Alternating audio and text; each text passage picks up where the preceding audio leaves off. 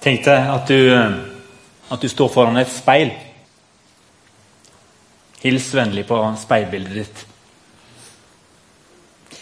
Si inni deg ja, 'Der er du, ja'. Hvor viktig er kroppen din for deg? Hva ser du når du ser på kroppen din? Hva ser du når du betrakter deg selv i speilet? Er kroppen bare et nødvendig onde? Et skall rundt ditt egentlige jeg? Eller er det helt og fullt deg og den du er, som, eh, som smiler tilbake til deg fra speilet? Hvis du orker å se inn i det. En kropp til Guds ære. Det er navnet på temaserien vår i høst. Og vi skal dykke ned i første Korinterbrev. Og vi har sett at det løper mange forskjellige tråder gjennom første Korinterbrev. Et vell av temaer, mye å ta fatt i. Paulus han svarer på konkrete spørsmål og kommenterer aktuelle situasjoner. Og Fins det likevel en rød tråd?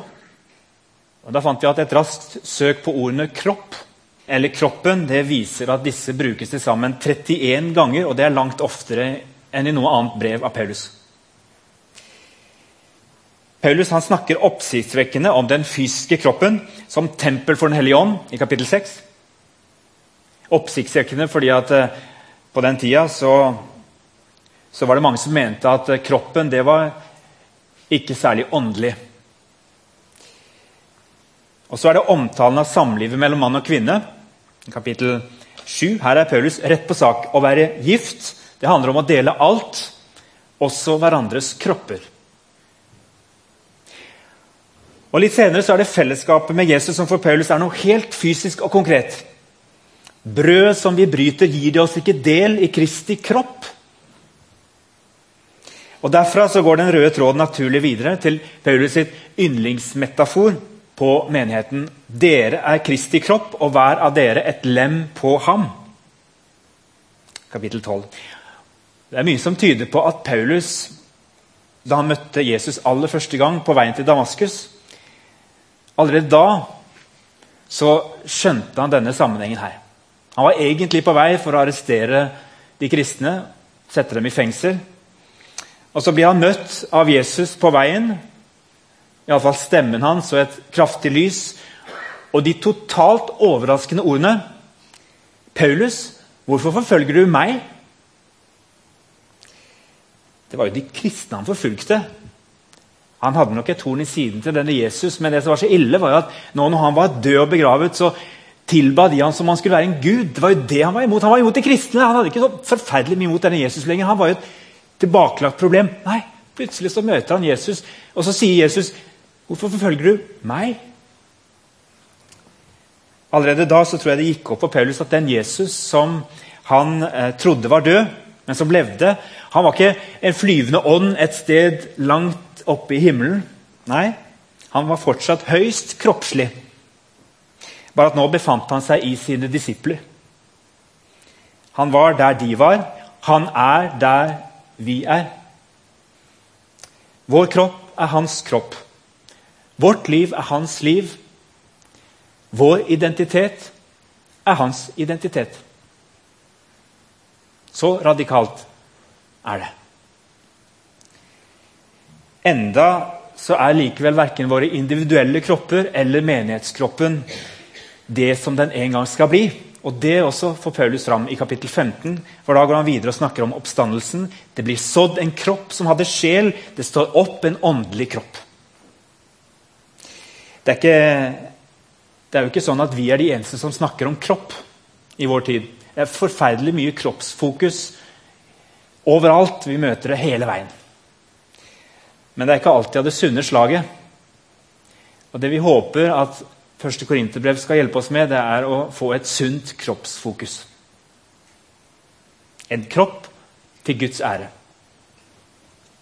Så lar vi spørsmålet henge litt. Hvorfor var det så viktig for Paulus i møte med korinterne å ha et sånt kroppsfokus? Det bærende bildet av kroppen, både i helt konkret forstand og i overført betydning, det skal vi gi oss i kast med når vi møter mange av de ulike og springende temaene i Korinterbrevet utover høsten. Vi er et team som lager disse temaseriene i lag. Vi inviterer ulike personer til å være med og bidra litt i dette heftet. De jeg jobber aller tettest sammen med for å få det hele i land, det er Oddbjørn Stangeland, sogneprest i Ålgård, og Morgan Fjelle, som mange kjenner som mangeårig prest her i bymenigheten. Nå tilbake i Frøland Orstad, og han er her i dag. Han godt gi han en applaus.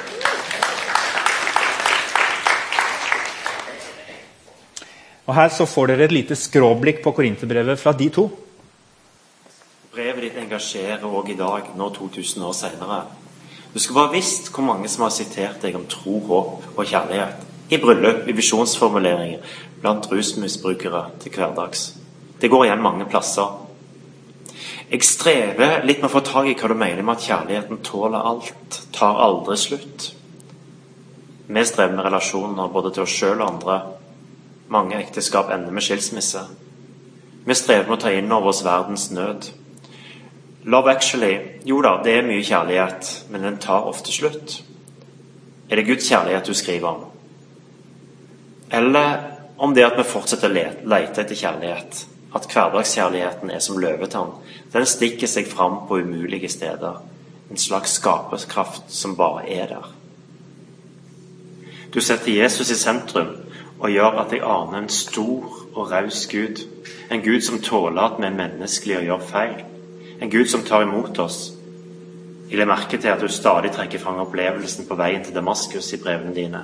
Jesus møtte deg uten at du hadde gjort deg fortjent til det. Et mysterium. Det intet øye så og intet øre hørte, det har Gud gjort ferdig. Hva med offerkjøtt og avgudsdyrkelse?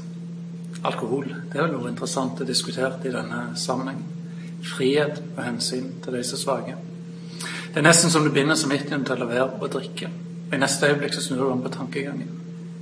Jeg aner en rød tråd i dette med kjærligheten og spørsmålet om frihet og rettigheter. Takk for gode råd til gudstjenesten. De hjelper mange som ikke føler seg så åndelige, og de som trenger litt tydelig orden og rammer. Dessverre så finnes det de som forakter eller kanskje også fornekter tungetale profeti, langt fra ditt ønske om å gi gavene rett plass. Takk over for kapittel 15. Legemets oppstandelse for ny mening. Jeg liker bildet med frø og plante. Se fram til å snakke om dette brevet med de andre i menigheten. Et kort sånn bakgrunnsteppe for første korinterbrev. For å hjelpe oss å forstå korinterne liksom sette Paulus ord i perspektiv. Apostelgjerningen 18 forteller om hvordan Paulus grunnla menigheten i Korint, som trolig var sammensatt av flere huskirker. Når vi snakker om én korintermenighet, så var det på en måte egentlig kanskje mange. De hadde et, nok et fellesskap på tvers, men det var mange forskjellige husmenigheter.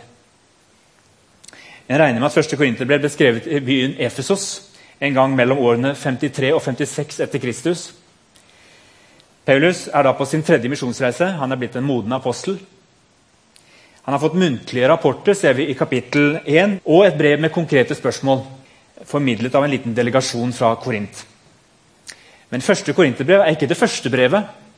Det får vi et lite glimt av i kapittel 15. Dette er altså del av en brevveksling der minst to brev er ukjente, og to brev er kjente. Det er altså litt greit å huske på at Begge de to korinterbrevene er skrevet som svar på konkrete spørsmål og utfordringer som en menighet på den tida hadde. Det betyr jo ikke at Paulus ikke kan tale til oss, men det er viktig å huske at han går rett inn i en konkret, aktuell situasjon og svarer det han ville svare dem der og da. Og så ser vi at også mye av det han sier, er tidløst og aktuelt også for oss. Noe av det som tas opp i Korinterbrevet, kan kanskje oppleves ganske fjernt fra vår egen virkelighet nå, men mye treffer midt i vår utfordring som kristne i 2015. Korinterbrevet er skrevet på gresk og med mye av den retorikken og skrivestilen som preget gresk tenkning på den tida. Måten Paulus bygger opp argumentene sine på. Han bruker til og med en god del ironi innimellom. Det kan være viktig å være klar over det når han av og til prøver å få tak i den litt spesielle argumentasjonen hans underveis. Hva er det han egentlig mener nå?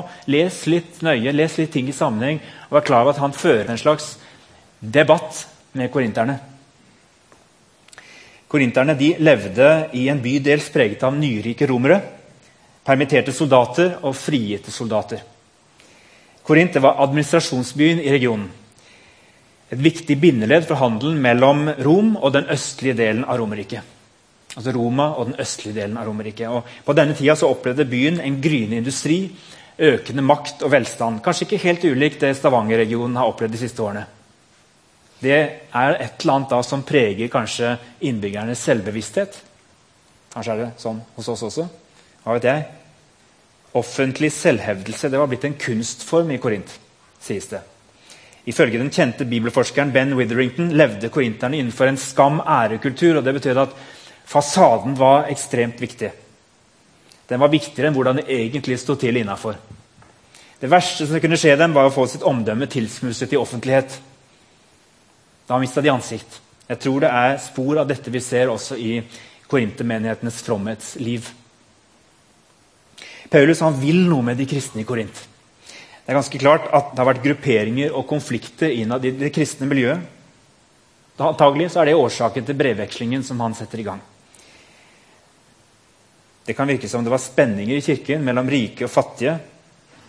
Kanskje var det i en og samme husholdning, for vi vet at ofte var det en rik mann som ofte hadde en stor husholdning der det også var tjenere, ja, slaver, arbeidsfolk. Og ofte var det de kanskje som utgjorde stammen i en husmenighet. Utviklingen av kirkestrukturen kan ikke forstås uten å forstå disse husmenighetene. Og Det er spennende at vi i bymenigheten forsøker å tenke litt på samme måte som korinterne. At vi er en selvbasert menighet, og hver av disse husfellesskapene er fullverdige menigheter. Samtidig så møtes vi på tvers i storfellesskapet.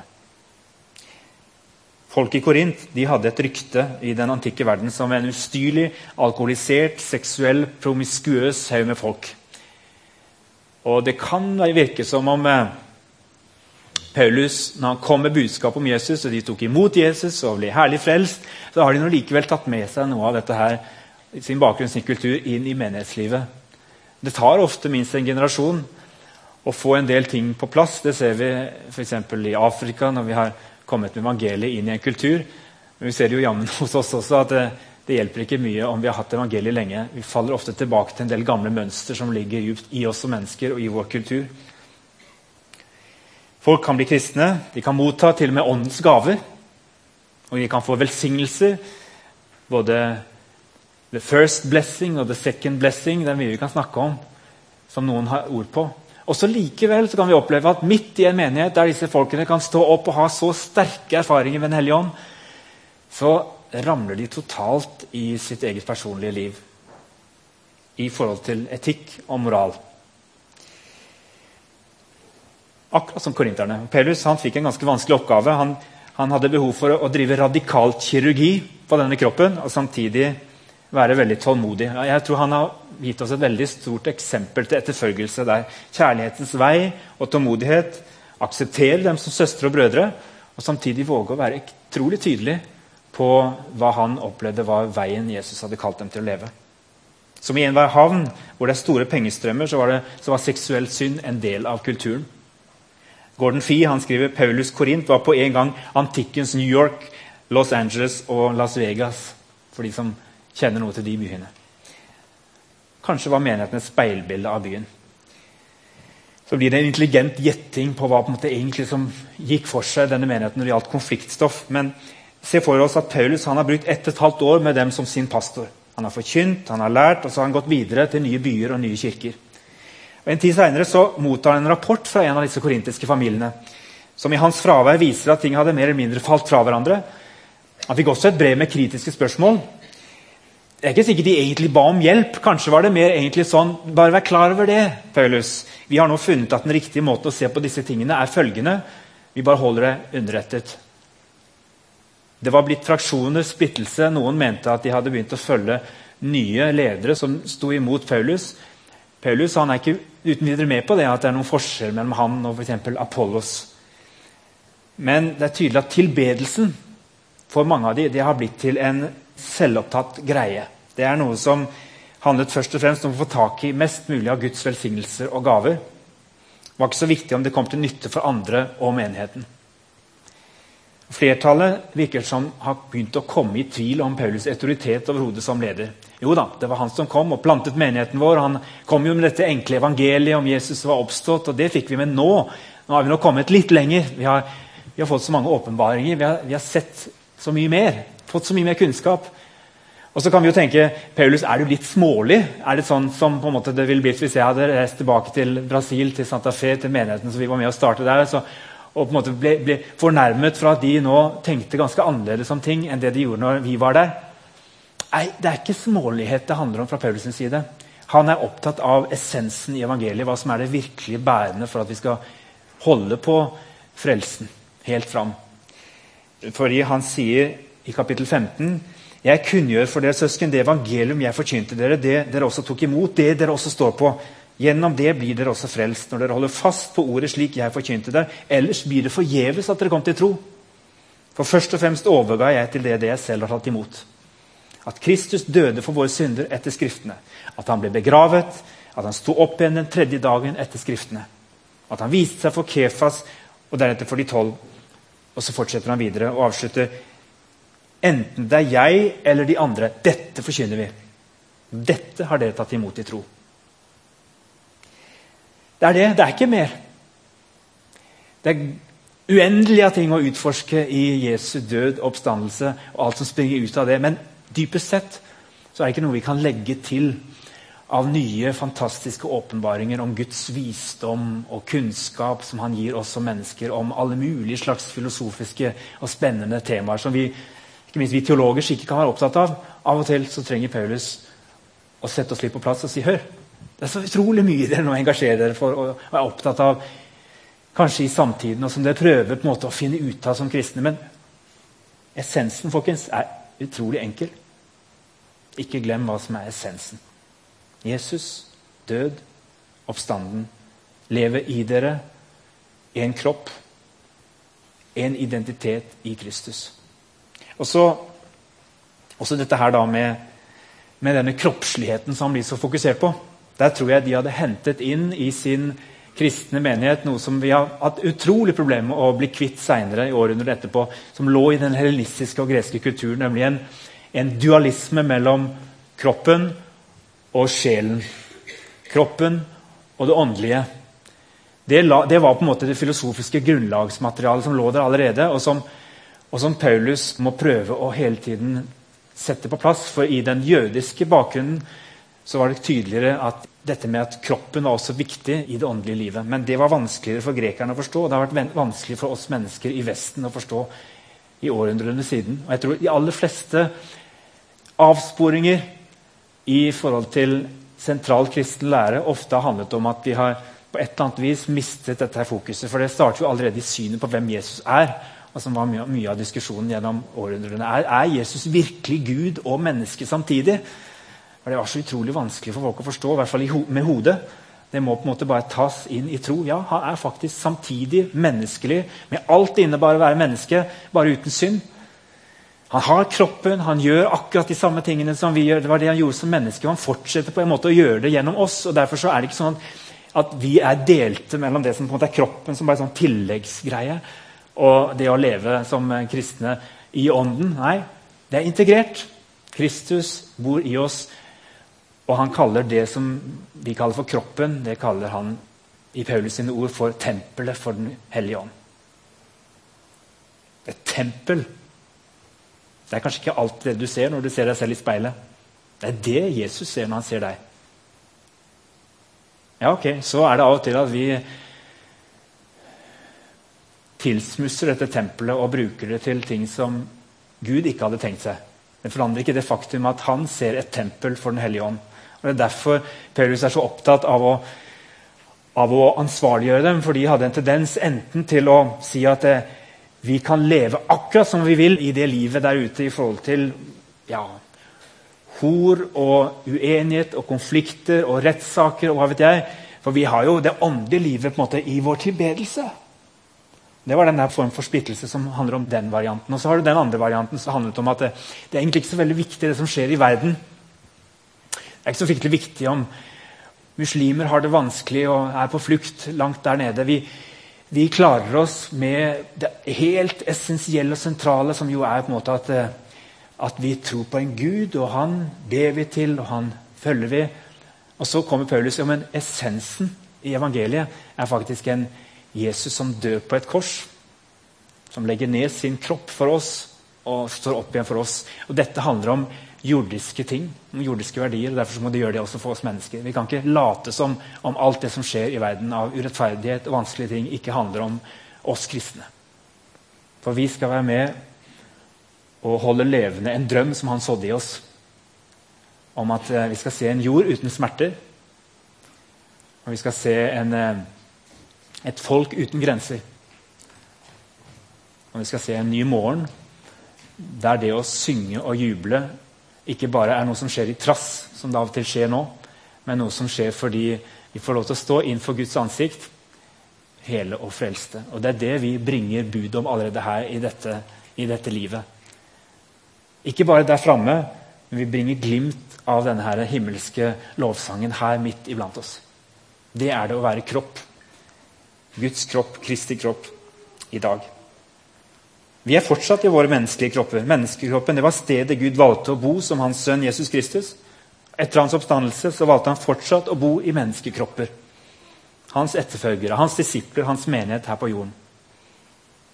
Ja, vi har dobbeltheten i oss, vi har oppstandelsens kraft.